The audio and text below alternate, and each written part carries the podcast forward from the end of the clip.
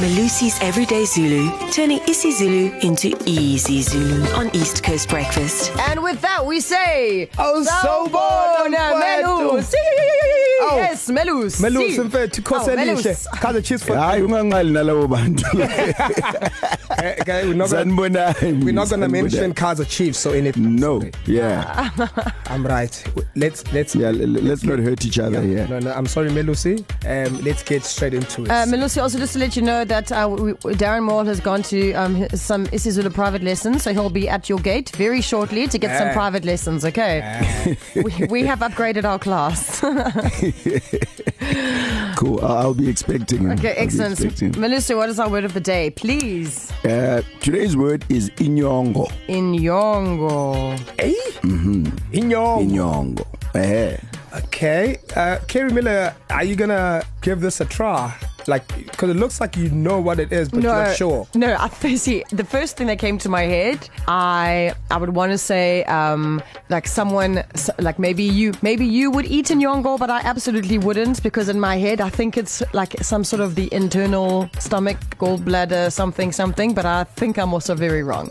yeah i don't think anyone eats inyongo Ah, Okay. Oh wait, Melusi, is it gallbladder or something? An internal bile it's bile. bile? Yes. Oh So you don't put that anywhere near your mouth. no, no, you don't. In yongo is bile. Yes. yes Elaborate, sir. So it, it's bile, but you know, if, if you're slaughtering an, an animal, mm-hmm. you have to make sure that when you're cutting it up, you don't spill the bile onto the rest of the meat, because then that meat is not edible. Yes. So Ah. oh. you, you you have to know what you're doing to avoid uk- to spilling your ongo. Yeah. yeah, yeah. Sure. Bile.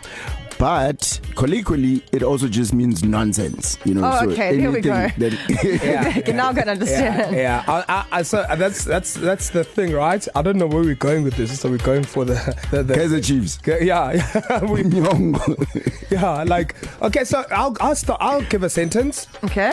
okay. So my sentence is: This season, the Kaiser Chiefs, ne Manchester United, ne Real Madrid, Dalinyongo, Dalinyongo, pale. That's it. Yeah. Kiribilla, Okay, I'm, oh my gosh. Um, I'm gonna give it a, a shot. So, Sky and a Liverpool supporter are talking, talking, talking, talking, talking, and I can't take it anymore. And I just go, Muzo Kuluma in Yongo. Perfect. perfection. Does that work? Eh? Perfection. Yeah, that works. That works. Yeah, Inyongo.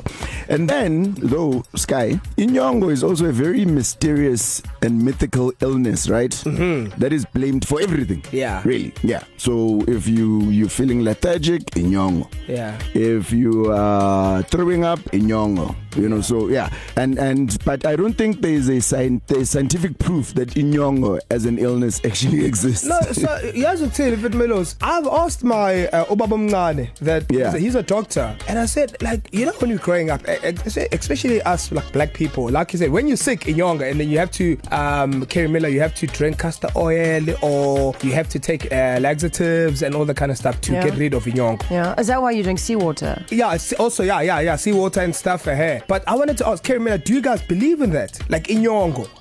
W- They're like when you're sick, so let's say you are throwing up Yeah. or you are, and then your mom is like, no, no, I think in direct translation, your bile is too much. You must, Oh, like you, oh, like you need to get rid of some of it. yes. yeah, No. detox, basically. Yeah, detox, yes, basically. Oh yeah, yeah, def. I mean, look, definitely a detox, but more. That's more from a yo, like a yogi perspective. But but our our Nyonga detox is more going to the toilet seven times a day because your laxatives or castor oil. Oh n- Yeah. no! Uh, Or you, or you got spate up the bum. yes. So, you know, white women just used to do that back in the 90s because we thought it was a good way to lose weight. But other than that, it's, I'm not very proud of it. All right, all right. okay. So, uh, ubaba mncane mfethu wathi ayikho loo nto. Into- into- into ekuthiwa inyonga ayikho. Ayikho inyongo. No, there's no Ayikho such indaba thing. yenyongo, mfethu. Yeah, there's no such illness. But Yeah. yeah. the elders still believe in it. 100%. Ukuthi you have inyongo and you must take castor oil. Yeah, no, 100%. So, Kerry Miller, I think we should throw it out there. We should, kids of KZN, or actually anyone that's listening right now, if you think you can use inyongo in a sentence and use it properly here, we don't want oh nonsense,